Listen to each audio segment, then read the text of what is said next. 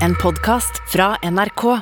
De nyeste episodene hører du først i appen NRK Radio.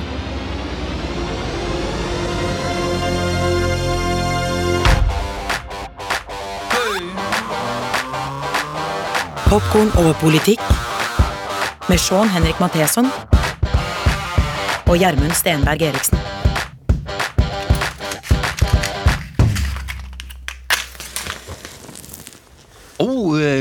Tenne på en brannfakkel der, Gjermund. Ja, det er eh, jo fordi jeg tenker det er bra å presisere noe som kan være brennbart. Ja, ja. Vi er imot krig. Ja. Veldig. Ja. Og så har jeg tenkt på en annen ting som vi er imot, og det er jo at krig skal ødelegge humør og moral, og at vi lager en pod hvor vi kommer til å holde på humøret. Eh, og vi kommer til å bruke humor fortsatt. Eh, Syns det er ekstra relevant med tanke på at det er en komiker som er president der nede og bruker humor for å styrke moralen i sitt land. Så var det uendelig mye verre. Ja, Det var sist episode. Bare planter det, så kan du sjekke ut den, Fra du som hører på. komiker til kriger. Ja. Eller helt, eller leder.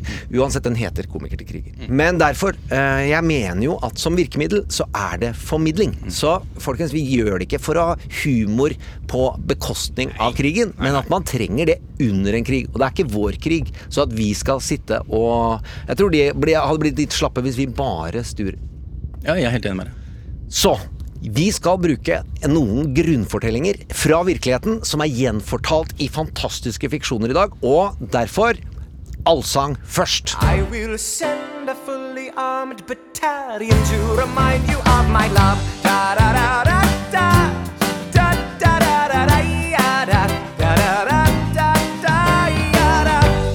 Ja, der er vi. Fordi det, du har jo uh, satt opp hva det skal handle om i dag. Det skal handle om Ja, Det skal handle om eh, motstandskamp, og det skal handle om hvordan eh, personer, mennesker, soldater i krig eh, Ja, finner dette enorme motet som kreves når du står i verdens verste situasjon.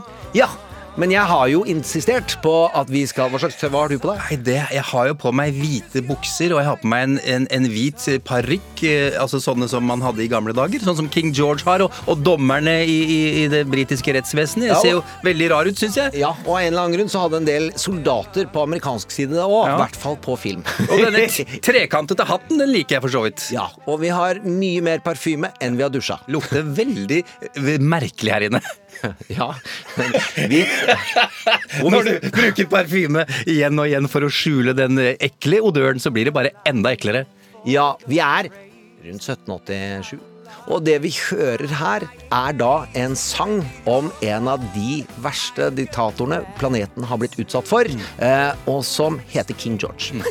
Vi liker King George, og vi liker Hamilton. Ja, vi gjør det. Det er en musical eh, som handler om USAs fødsel som nasjon. Eh, skjer jo gjennom en innbitt motstandskamp mot en diktator som sender enorme krefter mot dem, eh, og vil eh, drepe, forfote kvinner, barn og mennesker, fordi han vil ikke at de skal få en egen nasjonal identitet. Og den motstandskampen i dramafortellinger, for å hoppe rett til teorien, det er jo at gjennom motstand så blir hovedkarakteren i serien, i filmen, i skuespillet, i episke verkene Vergil, Homer, alt det. Det skjer nå i virkeligheten i Ukraina, et land som hadde en lang historie med en nasjonal identitet, men så samla den blir nå har ikke skjedd før. Og i motstandskampen vil da den ukrainske identiteten vokse fram. Så kan du fortelle hva slags podkast vi er, og hvorfor vi holder på med det? Jeg skal gjøre det, Gjermund. Velkommen til Popkorn og politikk. Vi syns det er stas og veldig hyggelig at du hører på. Og vi, det er Gjermund Stenberg Eriksen, serieskaper og kommunikatør.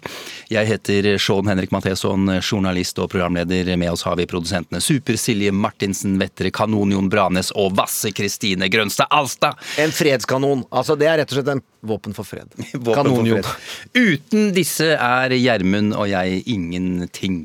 Eh, Vi snakker om de som vil ta makta på bekostning av folkestyret, om hvordan de går fram, og det gjør vi ved å sammenligne med serier du ser på TV, og filmer du ser i kinosalen. Det er nemlig veldig like virkemidler som brukes. Dette her er episode tre etter at Russland gikk til angrep på Ukraina. Krigen har nå rast i over to uker, og dessverre, den blir styggere og styggere for hver dag som går. Og i dag får vi besøk av forsvarssjefens sjefssersjant Rune Wenneberg, en av Norges mest erfarne soldater. Og et eh, menneske og forteller har jeg blitt fortalt eh, før du satte deg ned og hadde en utrolig samtale som jeg gleder meg å høre. Ja, helt riktig, Gjermund. Eh, Rune Wenneberg han har mange utenlandsoppdrag bak seg, bl.a. i Kosovo, Irak og Afghanistan. Og han har sett og opplevd krigens grusomheter så nært du bare kommer. Eh, Ukrainerne kjemper med en tapperhet som imponerer en hel verden. Hvor henter de styrken fra når de står midt der i all faenskapen? Eh, Det skal handle om motstandskamp eh, i dag. eh, Og det er få som vet mer om dette her enn Rune Wenneberg. Eh, NRKs eh, korrespondent Roger Severin Bruland er også med i dag. Han forteller om den motstandskampen han eh, på nært hold har sett da han var i byen Lviv. Det er for øvrig en ekstra pod med Roger i morgen, lørdag altså. Der forteller han om hvordan ja, det plutselig er å bli krigsreporter, Gjermund. Ja, og det har han jo erfaring med tidligere fra konfliktområder. Har vært to år på Balkan. Men det, den formidlerjobben han gjør Jeg har jo et heltebilde som ingen, alle kan prøve å krangle med meg om, men jeg har vokst opp med utenriksreportere som helter i livet mitt, for de ga verden på utsida av Norge gjennom TV, gjennom radio, og etterpå, så når jeg har da gått Totally apeshit nerd bananas i amerikansk politikk i 15 år, så setter jeg en uendelig pris på deres utenriksreporter, Hvordan de eh, prøver å få fortellinger om utenfor USA inn der. Så har vi jo 90-tallet og 80-tallet, da vi vokste opp med at det var eh, reportere fra om igjen i verden. Så det er så stas å få da en lang samtale med RSB. Ja, du har begynt å kalle den RSB. Det RSB? Ja, Og det det er er fordi jeg liker svungen på det. Ja, Det høres veldig tøft ut. Eh, Ekstrapod i morgen, altså lørdag. Eh, dette her vet du, men jeg sier det likevel. Vi er en podkast, og vi gir ut eh, nye episoder hver eneste fredag. Nå også i de siste ekstraepisoder. Alle disse finner du i appen NRK Radio. Jeg vil også si at eh, søk humør om dagen, folkens. Det er noen eh, i min familie som har sett at eh, jeg eh, klarer ikke humor nå, og da ber jeg dem gå. Hør på Excel. Gå til Berrum og Beyer. Altså få det er ikke, For det er humør med mening, og det er terapi, syns jeg, da. Ja, ja. Eh, og så kan de som vil, følge tung krig sekund for sekund, gå til de kanalene. Ja. Men Gjermund, vi må inn i motstanden igjen. Ja, og da mener jo jeg at dere skal få være med på stor kunst. I det som ofte ikke omtales som kunst, nemlig musicals. Eh, og at det kan gjøre underverker med historisk forståelse og dagens situasjon. Det er jo Hamilton-musikalen, hvor man prøver å fortelle om hvordan USA fant seg selv gjennom å se på den ene av grunnlovsfedrene og demokratiets fødsel. Uansett, motstanden er King George. Og dere fikk høre en liten sang, men nå syns jeg dere skal tenke på Putin, hans vilje overfor Ukraina. Det er jo mye av det King George hadde i seg, og det framstilles da i musicalen med humør og en god sang. Kjent på engelsken om hva kjærlighet er, og hvordan dette er omsorg med vold. You'll be back like before. I will fight the fight and win the war for your love, for your praise. And I'll love you till my dying days. When you're gone, I'll go mad. So don't throw away this thing we had. Cause when push comes to shove, I will kill your friends and family to remind you. King George synger med det Jeg fikk bare litt parykår i munnen. Ja, nettopp. Eh, vi legger ut klippet på denne fandrevde Facebook-siden hvis eh, folk eh, ikke har sett. det. Ellers så ligger den på en eh, konkurrerende mediekanal. Disney pluss, jeg kan si det. Herregud, det må Ja, kunne det gå an å si. være lov å si. Det må være lov å si. Eh, Den ligger på Disney Pluss. Og så syns jeg vi skal dra noen andre paralleller for King George og hans framferd, eller i hvert fall den engelske kongen. Bombarderte København i det store flåteranet. Som er legendarisk for dansk identitet, og ganske viktig for motstandskamp i Danmark. Eh, Og metoden han gjorde, er bare å sak bombe København. Når var dette her, Gjermund? I 1807. 1807, ja. Ja. De hadde ikke verdens klokeste konge, denne danske kongen. Hvis venner av slekta han, ta det med ro. Send e-post til Tor Gjermund Eriksen. Han var, ikke, han var utrolig lite bright, så han hadde ikke, heller ikke tro på at det blir krig. Og han gjorde utrolig mye dumt. Eh, Så engelskmennene hadde advart ham at du, vet du hva, vi gidder ikke mer. Du har verdens nest største flåte, og det kommer ikke vi til å sitte og se på. Så bomber de København og sier nå føler du sikkert at du har det vondt, men det vonde begynner ikke før nå. Nå skal du pusse opp alle båtene som står igjen, og du skal gi dem til oss, og du skal fylle dem med mat, og du skal gjøre det mens befolkningen står og ler. Det gjør de ikke, men står og ser på ditt nederlag. Det er en av de største krenkelsene i historien av en annen nasjon. Samtidig får vi Terje Vigen. Og vår nasjon blir jo da boikottet og blir blokkert. Handelsblokaden. Det blir sult og nød. Og det er vår motstandskamps fødsel og 1814. Og vi har også vår andre motstandsidentitetsfortelling. Veldig fredelig og fint rundt 1905. Det er ikke så svære greiene som skjedde med Sverige, men 1940 til 45 og krigsfortellingene våre. Og når vi nå er på andre verdenskrig og vår identitet, og at det er mange fortellinger, la oss først gå til president Zelenskyj og høre hans tale. Nå har vi spilt en del taler i det siste, men nå gjør vi det annerledes. Nå skal vi høre han snakke, og så har Super-Silje satt det sammen med en annen taler fra den krigen som blir kalt sånn Andre verdenskrig. andre verdenskrig heter den, ja, men som dessverre er hyperrelevant. Churchills tale til sitt folk mobiliserte og styrket moralen, og var omtalt som et retorisk mesterverk allerede når den ble holdt, eh, og lever i dag. Og Zelinskyj vet jeg ikke om går dit med vilje, men hør Siljes komposisjon, eh, og tenk på alvoret de står i. Og allikevel så bruker Zelenskyj humør også, men ikke denne talen. Her er han bare mister lagmoralbygger. We shall go on to the end. we will not give up and we will not lose. We shall fight on the seas and oceans. We will fight till the end at sea, We shall fight with growing confidence and growing strength in the air. in the air. We shall defend our island, whatever the cost may be. We will continue fighting for our land, whatever the cost. We shall never surrender. Surrender. Ja, en mashup av, eh, av Zelenskyj og Churchill, det er rett og slett. Det er ganske Everybody fast. likes Ja, the smell of supercilious ja. smelting av to taler in the podding. ja. Never surrender! Veit du hva? Nå har vi hatt på oss parykkene lenge nok uten å gå inn i motstandsfortellinger. Vi kan ikke gå gjennom alle, men vi håper at du satte pris på uh, King George, Churchill, Zelenskyj. Jeg liker den rekka der. Jeg er helt enig med deg, Gjermund. Jeg liker den, jeg også. Eh, Skal vi skjerpe appetitten med noen eh, små eh, forretter? Ja, og det, vi har fått lyttertilbakemelding Ja. på at vi Og det er min feil, for jeg sier kan vi ikke bytte forrettnavn hver gang? Og kan vi ikke gå inn i en ny restaurant hver gang? Jeg liker at du tar ansvaret. Det er, Ja, ja, men jeg, jeg har så tro på variasjon Ja, som ja. pedagogisk prinsipp. Ja. Men jeg har da tenkt at kanskje denne lytteren har litt rett. Og at det vi skal kalle det vi gjør nå, når vi nå går inn i dette faste eh, delen av programmet, er popkorn. ok. Og så skal vi sette på lyden av Ja. popkorn. Ok. Så kan den lyden oppstå på ulike steder. Eh, men Tanken er jo at vi skal lage et innhold som ikke sier at 'her får du alt du trenger å vite i verden'. Men popkornet det skal gi smakebiter fra andre steder enn der vi ligger hovedtyngden. ene er for å få opp humøret, men det er også for å peke på ting vi ikke har tid til å gå i dybden, som vi syns er absurd, mm. og som er moro. Så eh, tillat oss fra nå av. Lager vi popkornlyd, så Så du hører på lytteren, ikke meg, altså? ja. Eh, Da, det Ja. Det er greit. Eh, Vladimir Putin Eh, Han som gjorde seg selv til den gale despoten i, i Moskva. Han har holdt et par taler denne uka også. Eh, annet han besøkte Aeroflots eh, treningssenter eh, tidligere denne uka her. Som vanlig satt han rundt et stort møtebord. Det som ikke var så vanlig, var at han satt rett ved siden av andre mennesker. Og da ble vi.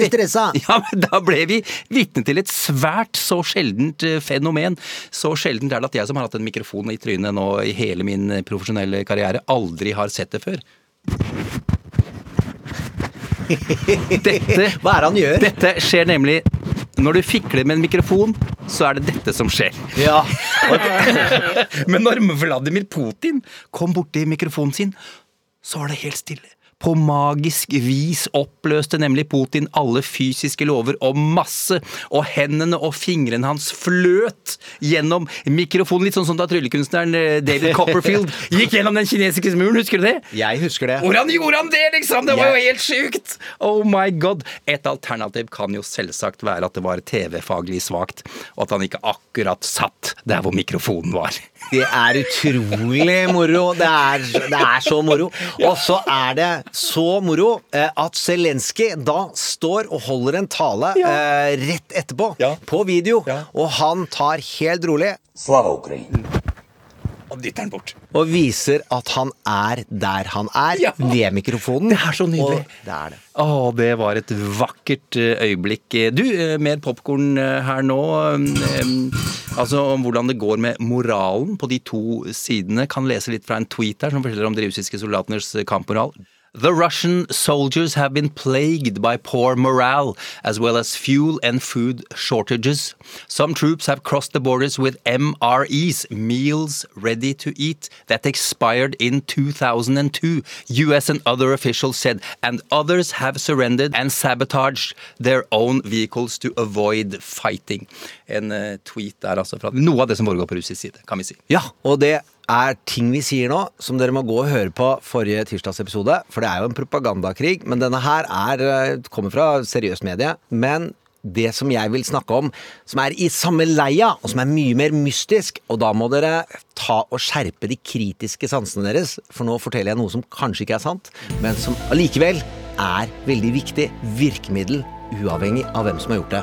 Det har kommet noe som er en lekkasje fra FSB, som er det gamle KGB, altså, som er den norske PST og EST. Altså etterretningsorganisasjonen i Russland. Ja. Så har det liksom kommet en lengre brev hvor noen beskriver hvor utrolig vanskelig det er å jobbe der, og hvordan det var vondt før krigen, at de ble tvunget til å lage rapporter som ikke baserer seg på kunnskap. For hvis du kom med feil rapport, så fikk du sparken, eller så fikk du kjeft, for du ville bare høre at Ukraina kan tas, og det vil gå enkelt og gå fort.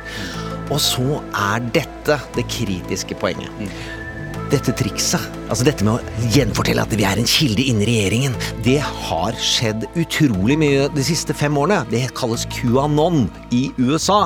Så er Q-en står for en kilde innad i regjeringen. Og på internett så har man lagd disse konspirasjonsteoriene om at Donald Trump blir motarbeida, han må bli gjenvalgt. Noe av det har russiske påvirkningskampanjer hjelpa. For det handler om å styrke høyreekstremistiske krefter, det handler om antivaksinekrefter, antistat, og virkelig rakka ned på USAs demokrati, samhold, Englands demokrati, samhold, Tysklands, der det har vært svære QAnon-bevegelser, og nå skjer det i Russland. Da tenker jeg litt konspi, men jeg er jeg er gammel reklamedude som har brukt ganske mye skitne triks innafor norsk lov. og en av dem er jo å lære kommunikasjonstriks av andre, av motstanderen, og bruke det mot dem. Og jeg tror enten så er dette anonymous, eller så kan det være amerikansk etterretning, eller så har ukrainerne har fabelaktig kommunikasjonsteft som det går an å som vi skal komme tilbake flere ganger. Hvordan f.eks. Zelinskyj bruker humor nedsettende om den russiske motstanderen og snakker opp sin egen motstandskamp. Spørsmålet er hvor dette kom fra, men jeg syns det er et utrolig bra kommunikasjonsgrep. I demokratiets tjeneste. Så er det jo ikke lov journalistisk, eh, så vi vet ikke hvem kilden er. Er kritisk til sannhetsgehalten? Det er jo mange måter å få løgn til å funke. Eh, En av dem er Trumps gjentakelse. Ja. Til slutt så går det inn. Og det er Tr- Putins gjentakelse. Det er det han bruker aller mest. Det andre er å lage det så godt at du velger å tro på. Dette styrker moralen på den ene siden og svekker på den andre. Og du har lagd en egen nyhetskanal! Ja, jeg har det.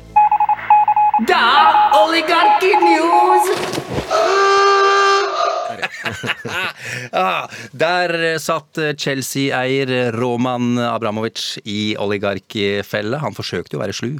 I forrige uke sa han at han ville selge klubben, altså Chelsea, og gi pengene til krigsofre i Ukraina. Se på meg, det er så snill jeg er, og dere trenger ikke bry dere om meg! Bare glem meg! meg, så snill jeg er. Ja, det snill, bare glem det. Eh, men det kan han også ikke bare glemme, for han er jo Putin-venn, har alltid vært eh, britiske myndigheter stoppa salget. Klubben får ikke selge billetter, merchandise, de har mista sin hovedsponsor. Ting har gått eh, til helvete, for å si det sånn. Ikke bare for Abramovic, med andre ord, men også for klubben. Vel, det er klart, når du har en oligark som eier, så får du skylde deg sjæl.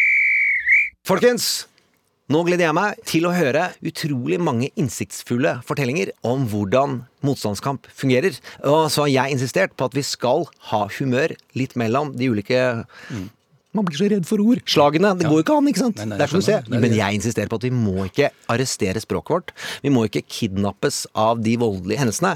Dette er også en kamp om friheten til å bruke gode ord.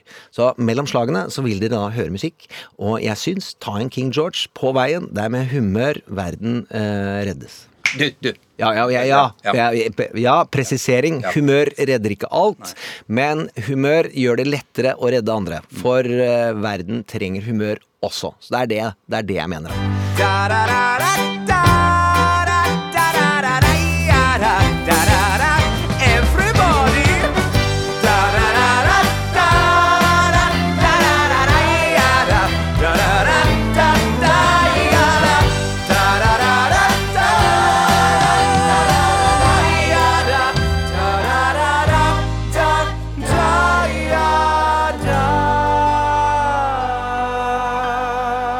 Popkorn og politikk. Rune Wenneberg, det er en eh, glede å ønske deg velkommen til eh, Popkorn og politikk. Takk for det. Du er eh, sersjantmajor og spesialistbefal i Forsvaret, og siden i fjor er du forsvarssjefens sjefssersjant. Og før jeg fortsetter, jeg har ikke vært i militæret, Rune. Hva betyr alt det der egentlig? Dette er jo en ny funksjon, men, men eh, kortversjonen er jo å si at jeg er på mange måter forsvarssjefens makker, der jeg har et spesielt ansvar for å følge opp soldatene våre i Forsvaret, sånn at standarder, treningsstandard, holdninger, at soldatene rett og slett er, er klar. ok. Og, og være sjefens eh, øyne og ører. Du har også blant annet vært eh, kompanisjef i Telemark bataljon. Du har gjort eh, internasjonal tjeneste i Libanon, Kosovo, Bosnia, Irak og Afghanistan. Til deg som hører på, dette opptaket blir gjort eh, torsdag 10. mars, og som vi vet, ting skjer fort. Krigen raser i Ukraina. Putin og Russland er nådeløse. Det er fortsatt vanskelig å vite hva som vil skje på sikt, eh, hvordan ting eh, vil se ut bare noen dager, uker, måneder og år også, for så vidt. Eh, Det som foreløpig ser ganske sikkert ut, er at ukrainerne ikke vil gi seg. Og med det føre en motstandskamp mot den russiske krigsmakten.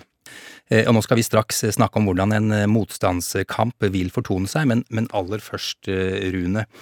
Hvordan kunne Russland har blitt tatt på senga av kampviljen i det ukrainske militæret? Det er jo ikke noe tvil om at de har blitt tatt på senga, overraska, og de har fått uh, juling. Det ser ut fra vårt ståsted at de trodde det skulle være en rask krig. Jeg tror de hadde litt for stor tro på sin egen overlegenhet, som, som de har dyrka selv. Og så møtte de en motstander som var veldig godt forberedt, som visste at krigen kom til å komme. Utstyrsmessig, treningsstandard, planer for hvordan de skulle slåss, var klar. Og så slapp de seg bare løs. Men vi har jo lest om dette i avisen også, Rune. og så har jeg liksom lurt på om det kan stemme at denne sterke motstandsviljen også kom overraskende for dere da, i det norske forsvaret og andre forsvar rundt omkring. Hvordan kunne det skje? Vi forventa jo at ukrainerne kom til å slåss. Ja. Det var ingen som trodde at de, at de kom til å legge seg på ryggen. Men når vi så omfanget av angrepet på så mange fronter, hær, sjø og luft, så var vi overraska over hvilken innbitt motstand, og hvor effektive de var veldig tidlig, der de var i stand til å både stanse russernes fremmarsj, ødelegge Putin sine planer, og, og virkelig påføre russerne store tap, både menneskelige og materielle. Hva er det som gjør at eh, det var overraskende? Fordi at Russland er jo en militær stormakt. De har eh, ekstremt mye materiell, store styrker, og vi trodde jo at eh, russerne ville i mye større grad være i stand til å overvelme det, det ukrainske forsvaret. Noe de da ikke gjorde. Vi ser jo at russerne til en viss grad opererer sånn som vi trodde de skulle operere. Ja, Og hva betyr det? Det betyr jo at de ønsker å sette motstanderne i et dilemma. Det vil si at de ønsker å bruke stor hastighet, de ønsker å bruke overveldende ildkraft. De kombinerer det med flyangrep, med missilangrep, der de forsøker å slå ut kommandostrukturen, sambandssystemer som gjør at ukrainerne ikke er i stand til å kommunisere. De søker å slå ut tidlig eh, lederskap og alt som skal til for at en stor ukrainsk hær eh, kan fungere. Det er jo relativt enkelt å sette et cruisemissil i en stridsvogn, men, men det er kost-nytten av å gjøre det er betydelig mindre enn å slå ut en stor kommandosentral eller flyradarer, som, som gjør at russerne friere kan operere i luftrommet til Ukraina. Likevel så har det ikke gått som russerne trodde eller håpet. Var det overraskende for dere? Både og. Vi hadde jo egentlig ganske god kontroll på, og vestlig etterretning hadde egentlig ganske god kontroll på at russerne kom til å angrepe, og det har vi jo vært åpen med. Men når krigen først starter, altså en plan overlever aldri første stridskontakt. Sånn at hva som skjer etter at første skuddet er gått, er liksom opp til det som vi kaller for, for krigens tåke. Altså det, det kaoset og alle de faktorene som settes i spill så- som du ikke kan kontrollere med en, med en tidsplan. Og da hjelper det ikke om eh, Putin har gitt de 48 timer på å ta Kiev. Eh, Virkeligheten treffer han, og den traff han hardt. Men altså, de ukrainske soldatene Det er jo helt vanlige mennesker, dette her. Nå er det også riktignok mange veteraner fra tidligere konflikter med, med Russland, men eh, hva er det som får disse menneskene til å liksom reise seg opp og, og slåss på den eh, måten vi har vært vitne til nå de siste ukene, Rune? Jeg tror den overordna motivasjonen til de ukrainske soldatene nå er jo at fedrelandet deres er invadert. Den friheten og det demokratiet som de har lært å elske og sette pris på de siste årene, er de i ferd med å miste.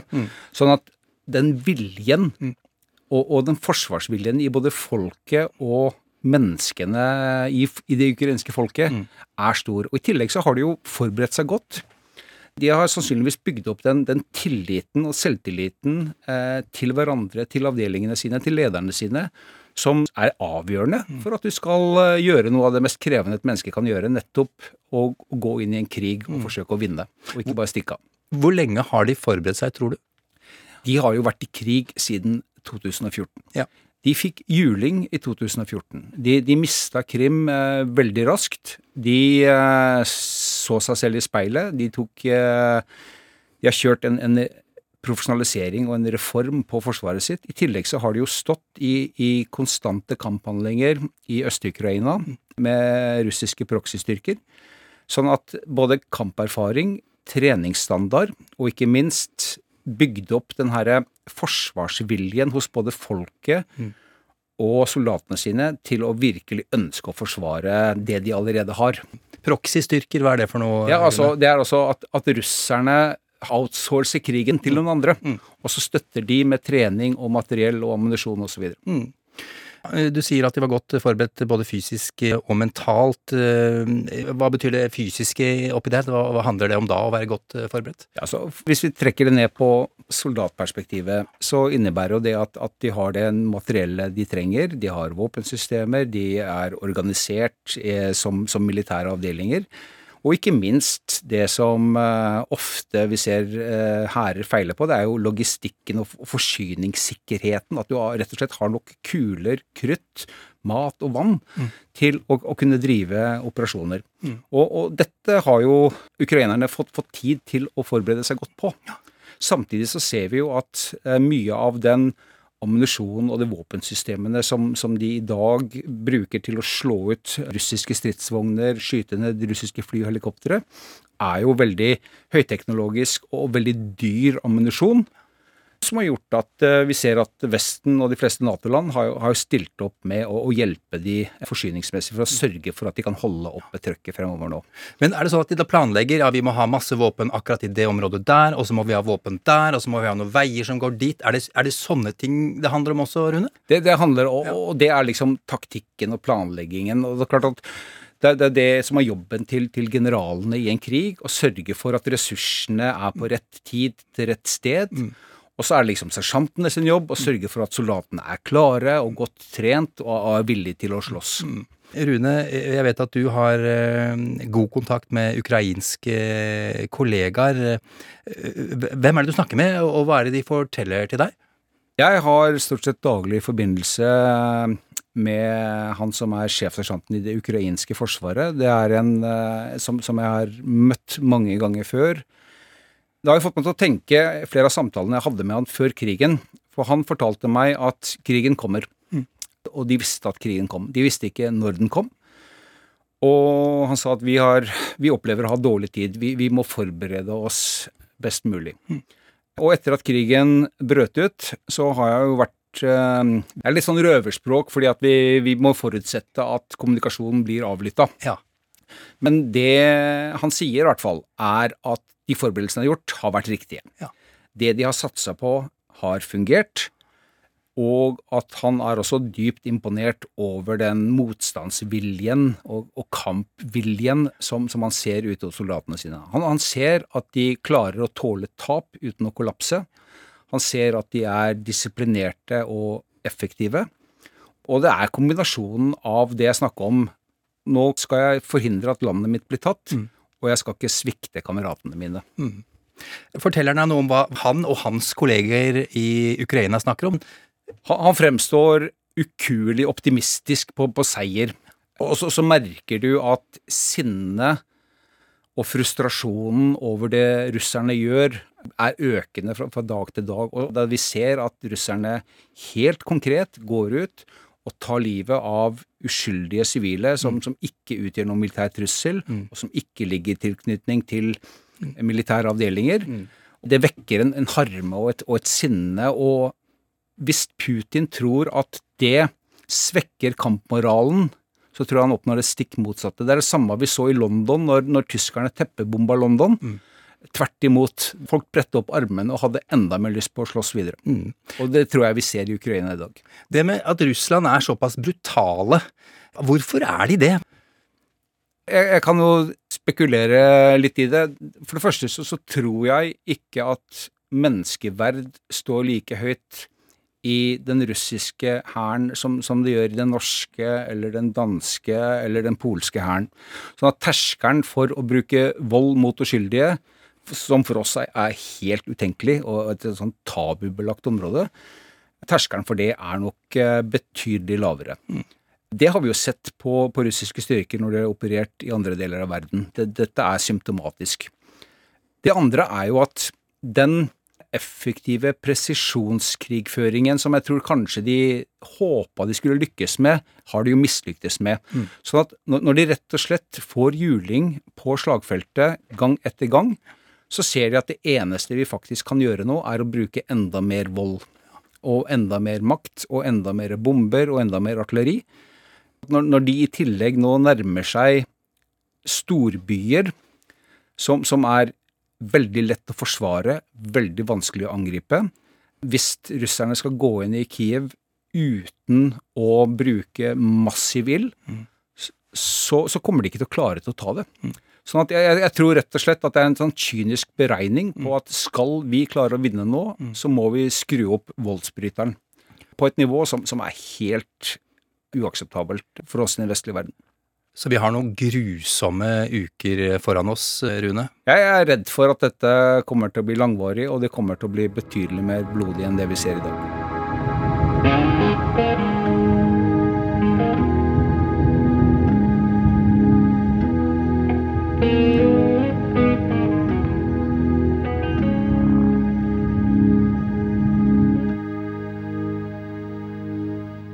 Hvor viktig har president Volodymyr Zelenskyjs lederskap vært under denne krigen?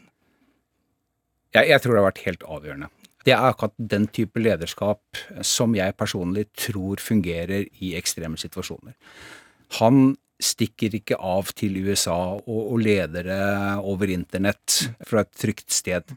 Han, han utsetter seg selv familien sin for risiko. Jeg syns han har vært fascinerende tydelig i kommunikasjonen sin. Han snakker et språk som folk tror jeg kjenner seg igjen i. Han, han er med å fyre opp under den, den motstandsviljen som både de sivile og de militære trenger. Og han har vært relativt kompromissløs og, og, og tydelig. Sånn at jeg tror Vi har ikke snakka med det direkte med ukrainerne, men, men, alle signaler tyder på at det lederskapet hans har, har, virkelig gitt ukrainerne en fordel over det lederskapet vi ser på, på russisk side. For Han er også av og til litt sånn brutal. Ja. Eh, og Man kan også si at han er litt sånn politisk ukorrekt, nettopp fordi han er brutal. Jeg, jeg tenker at Overfor spesielt ukrainske soldater så tror jeg det fungerer veldig bra. Risikoen med det, da, for å, for å krigsspille den, er jo at hvis han har en retorikk som er såpass brutal og voldelig, så, så risikerer vi at at det, smitter over på de ukrainske soldatene. For, for er det én ting vi forventer av de ukrainske soldatene som, som, forsøker å bli medlem av EU og Nato, så er det at de opptrer i henhold til folkeretten. Mm. At de følger krigens lover. Mm. Og, og, det er klart at eh, når en krig går over tid, og slitasjen på folkene blir høy, og du har en leder som oppildner de hele tiden, så skal du i hvert fall være veldig bevisst på at du klarer å holde deg innafor eh, krigens lover. Hvor viktig er det for, for, de som kjemper en motstandskamp, å ha en, en, en sånn type leder, Rune? Jeg tror det er kjempeviktig. Og, og vi, vi, ser ofte at de landene som har gjort det bra, har hatt tydelig lederskap. Mm. Samlende lederskap. Mm. Det er klart at det er vanskelig å si hvordan det har vært med, med en svakere, mer utydelig leder, mm, ja. men, men, dette fungerer i hvert fall. Vi har lurt litt på altså Russiske soldater nærmer seg Kiev for hver dag som går. Den blir vel tatt til slutt, må vi anta, Rune.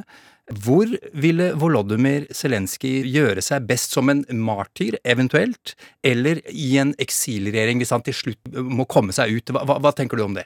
Jeg tror det er fordeler og ulemper med begge de utfallene. Ja.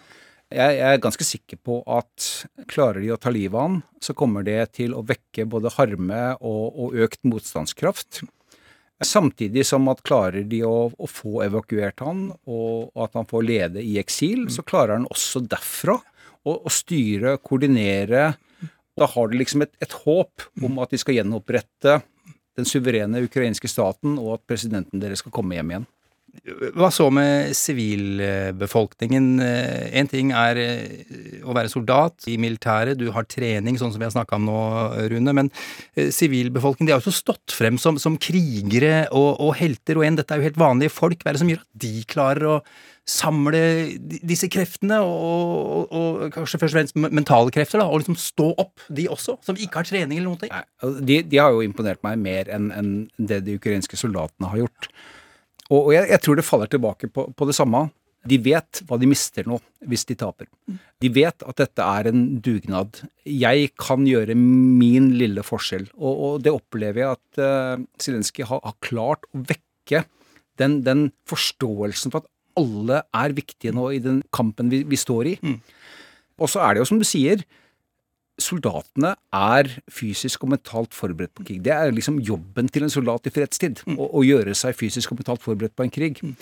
Mens eh, heldigvis så er det ikke det jobben til sivilbefolkningen vår. Mm. Sånn at slitasjen, traumene, opplevelsene oppleves jo som helt grusomme for disse her. Altså folk som mister familiemedlemmer, barn som blir drept. Altså vi, vi kan jo ikke forestille oss engang hvor grusomt det er den menneskelige viljen, er det, er det alltid et slags wildcard eh, i krig? Noe man aldri kan beregne teoretisk når man står på, på kontorene og, og, planlegger?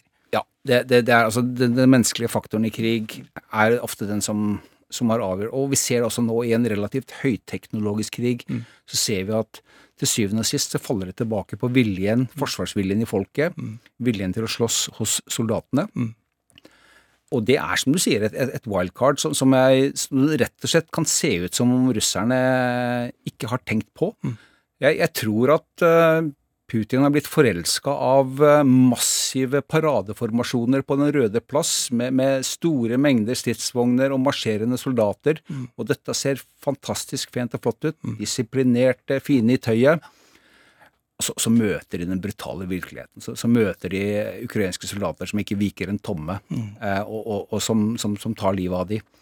Og, og så kollapser kanskje den, den russiske viljen til å slåss på en helt annen måte enn det gjør hos de ukrainske. For, for meg, når du sitter og, og forteller om dette her nå, Rune, så virker det litt sånn opplagt at dette må du ha i mente. Den, den, den menneskelige viljen. Hvordan kan Putin ha mista gangsynet, da, for å si det sånn? Han har jo også masse folk rundt seg, skulle man tro, eh, som vil liksom Nå må du passe på, for nå, nå er det noe du glemmer her. Nå er ikke jeg noen politisk ekspert, men, men jeg tror de aller fleste er enige om at han har jo malt seg inn i et hjørne omgitt av ja-mennesker som, som ikke tør å, å, å si fra til en. Eh, og til slutt så tror du jo på, på din egen bullshit. Og, og, uh, når du i tillegg da er i stand til å ta sånne beslutninger, så, så er det klart at det er farlig. Det, det er jo sånn at Ukraina øh, nok ønsker at Nato gikk inn og hjalp til på den måten inn i krigen. Det kommer nok ikke til å skje. Uh, tror du at soldatene i Ukraina føler seg svikta på noen måte av det? Jeg er ganske sikker på at mange av soldatene føler seg svikta eh, på det. Samtidig så tror jeg at mange av de forstår eh, hvorfor. Og det er klart at det er jo et lite paradoks eh, sett fra deres ståsted å tenke på at Nato kunne gått inn og lukka luftrommet raskt og effektivt. Som hadde gitt de et, et, et kjempefortrinn i krigen, men, men vi, vi kan ikke gjøre det. Jeg tror de som forstår de store mekanismene, ikke liker det, men forstår det.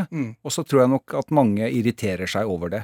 Samtidig som vi får helt klare tilbakemeldinger på at de er veldig glad for den støtten de faktisk får, spesielt gjennom den våpenhjelpen som er gitt. Bare så vi har det på det rene, hvorfor kan ikke Nato stenge luftrommet over Ukraina? For å håndheve det luftrommet, så, så ville da Nato-fly måtte skyte ned russiske fly, som ville egentlig raskt kunne starte en krig mellom Nato og Russland, og, og det er det siste vi ønsker i Europa nå. Ja, det er vel absolutt det siste. Det er jo mange engstelige for. Har du noen tanker om akkurat det, Rune? Ja, dette monitorerer jo vi 24-7 mm. etter at krigen starta. Og, og vi følger jo Altså, Norge er jo Nato i nord.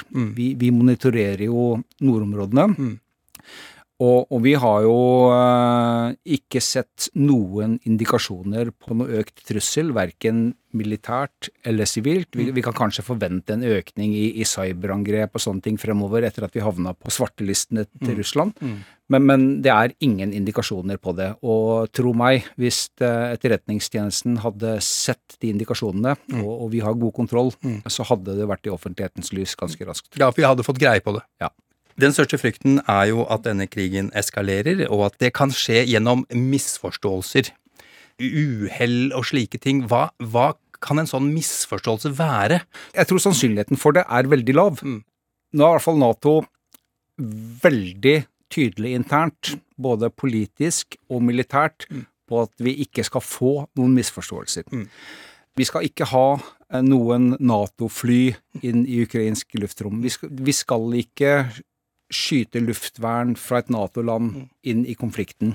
Eh, Vi skal ikke ha Nato-soldater på bakken eh, som risikerer å havne i strid med, med Russland. Sånn at tiltakene vi, vi opplever et, eh, et veldig tydelig lederskap, både politisk og militært, på å unngå å havne i sånne situasjoner.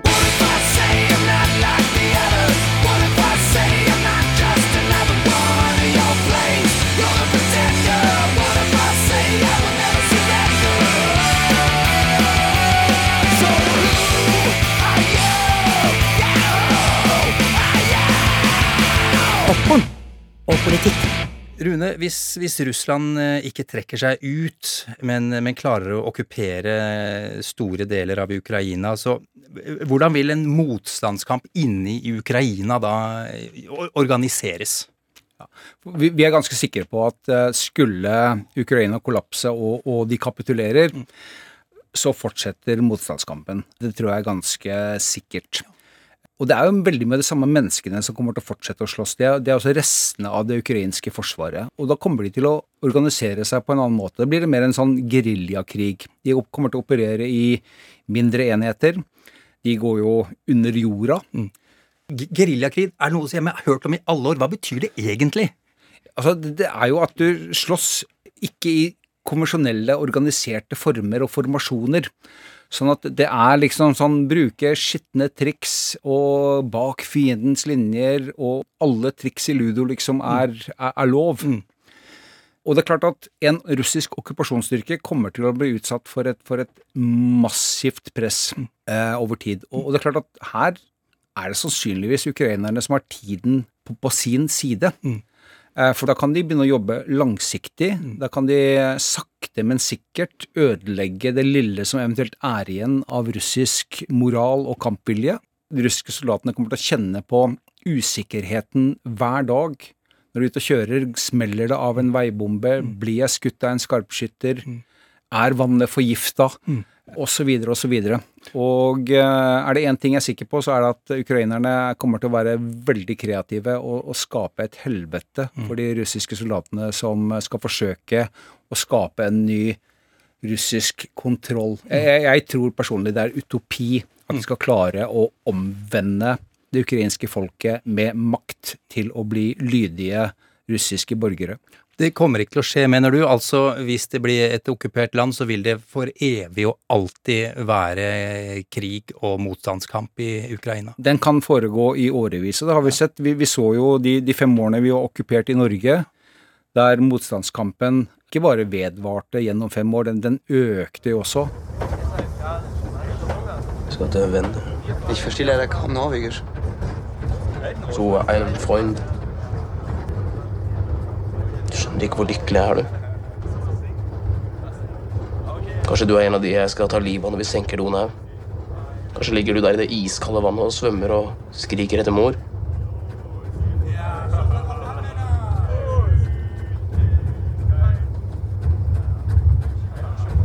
Vi skal begge dø. Men det er bare jeg som kan dø med smil om munnen, for jeg vet at vi kommer til å vinne. Hva blir de største utfordringene for å få til det du snakker om nå? Det, det er jo at, at de får organisert seg på en måte som, som gjør at de, at de virkelig blir effektive. Og fordelen er jo at de grenser til flere Nato-land, sånn at det vil være mulig å opprette forsyningslinjer. Og så er det jo et enormt land. Det er jo ikke sånn at du kan liksom plassere noen grenseposter, og så kan du kontrollere om det smugles inn våpen.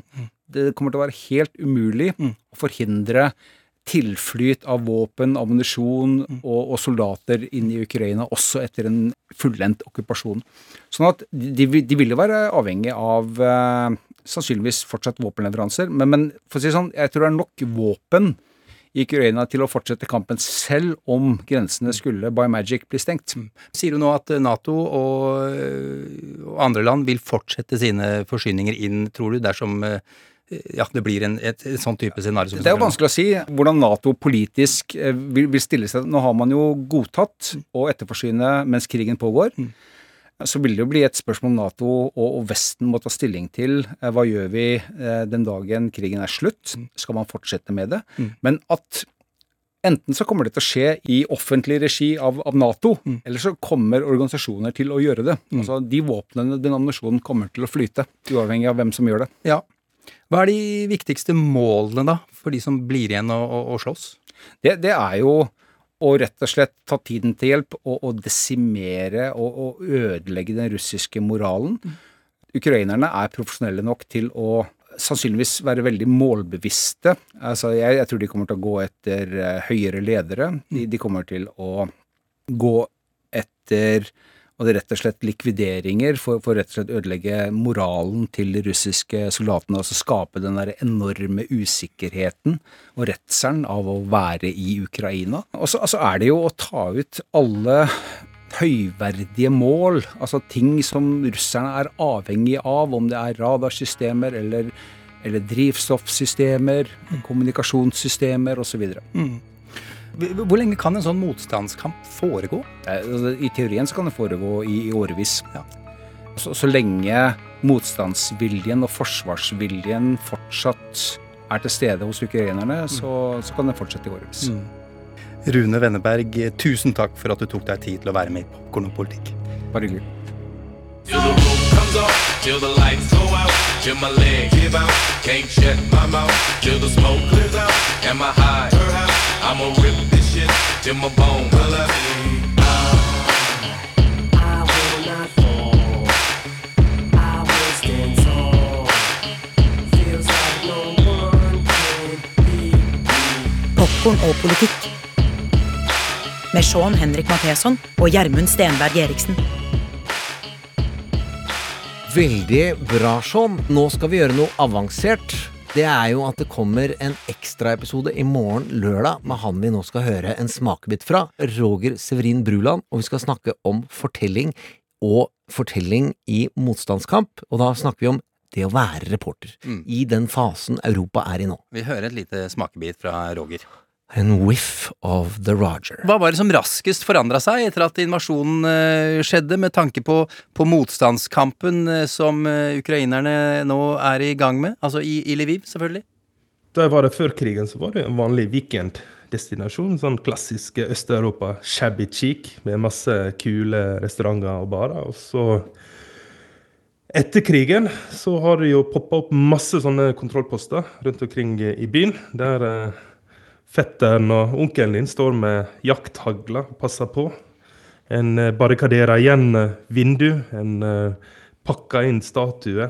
Du ser massevis av folk som melder seg frivillig til å lage sånne kamuflasjenett. Jeg var jo også på en sånn smie som lager sånne spikermatter som en bruker på disse her kontrollpostene, spanske ryttere. Så ja, du ser jo en sånn gradvis militarisering. da. En hel by som eh, forbyr seg på å forsvare seg med alle midler. Egentlig, sånn som jeg tolker det, så er det jo at eh, de er jo villige til å dø for at håpet fremdeles skal leve. At, eh, at det er håp om at framtida di ikke vil bli verre. ikke sant? Altså, Mm. Vinner Russland, så vil jo håpet dø.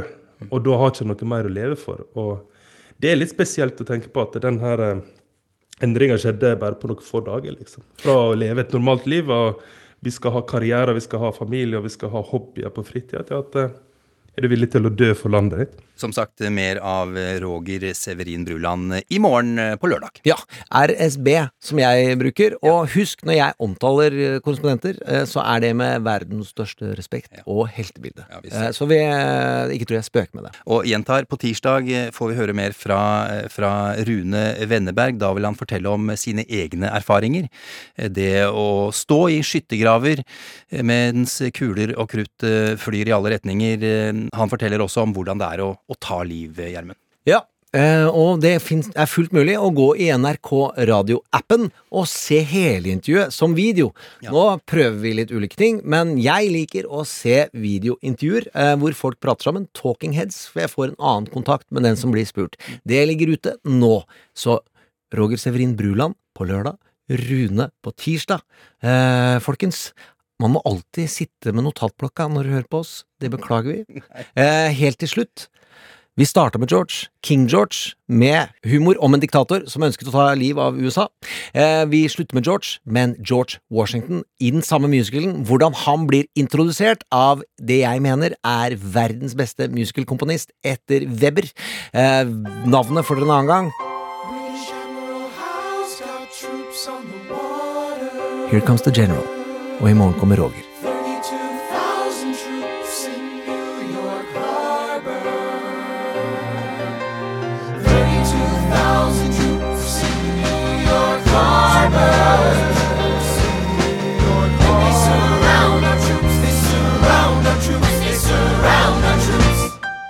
As a kid in the Caribbean, I wished for a war. I knew that I was poor, I knew it was the only way to rise up.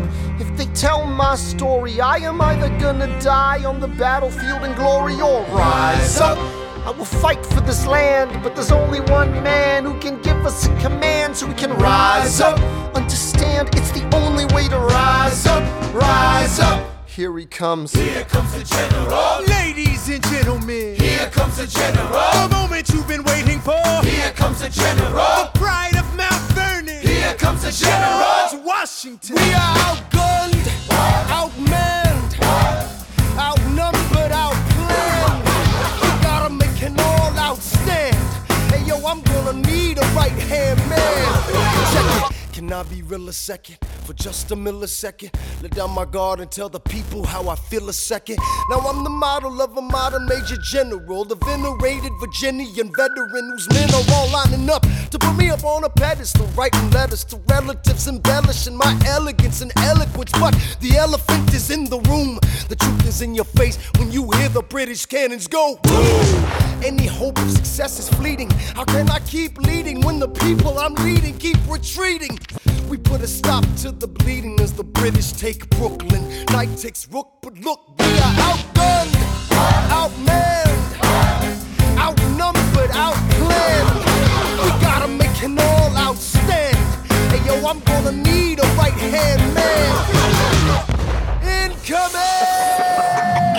They're battering down the battery, check the damages. We gotta stop them and rob them of their advantages. Let's take a stand with the stamina God has granted us. Hamilton won't abandon ship, yo, let's steal their cannon. Shaboom! Goes the cannon, watch the blood in this shit spray. And goes the cannon, we're abandoning Kips Bay. And there's another shipping. We just lost Southern tipping. We gotta run to Harlem quick, we can't afford another slip. Guns and horses giddy up. I decide to divvy up my forces. This skittish as the British cut the city up. This close to giving up, facing mass scrutiny. I scream in the face of this mass mutiny. Are these the men with which I am to defend America? We ride at midnight, Manhattan in the distance. I cannot be everywhere at once, people. I'm in dire need of assistance. Your Excellency, sir. Who are you? Aaron Burr, sir. Permission to state my case. As you were? Sir, I was a captain under General Montgomery until he caught a bullet in the neck in Quebec. And well, in summary, I think that I could be of some assistance. I admire how you keep firing on the British from a distance. I have some questions, a couple of suggestions on how to fight instead of fleeing west. Yes? Well, Your Excellency, you wanted to see me. Hamilton, come in. Have you met Burr? Yes, sir. We, keep, meeting. as I was saying, sir, I look forward to seeing your strategy play out. Burr, Sir, close the door on your way out. Have I done something wrong, sir? On the contrary, I called you here because our odds are beyond scary. Your reputation precedes you, but I have to laugh. Sir? Hamilton, how come no one can get you on their staff? Sir! Don't get me wrong, you're a young man of great renown. I know you stole British cannons when we were still downtown. Nathaniel Greene and Henry Knox wanted to hire you. To be their secretary, I don't think so. Now, why are you upset? I'm not. It's all right, you wanna fight, you've got a hunger. I was just like you when I was younger. Head full of fantasies of dying like a martyr. Yes. Dying is easy, young man. Living is harder. Why are you telling me this? I'm being honest. I'm working with a third of what our Congress has promised. We are a powder keg about to explode. I need someone like you to lighten the load. So, I am not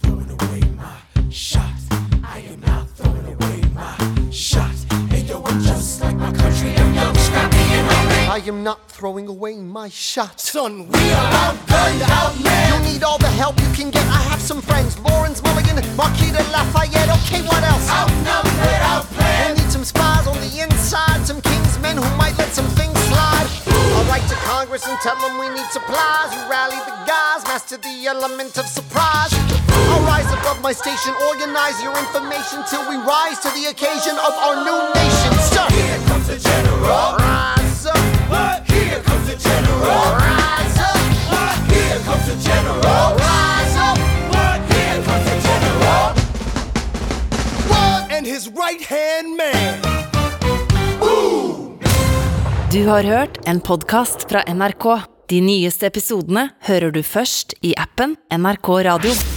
Hva har skjedd i løpet av natta? I appen NRK Radio samler vi alt du trenger for å forstå Ukraina-konflikten. Jeg syns det var nok fra før, og så kom det bare enda mer oppå der. På et busstopp i Ukraina klamrer en far seg til den lille datteren sin. Hver dag skjer det ting som påvirker oss.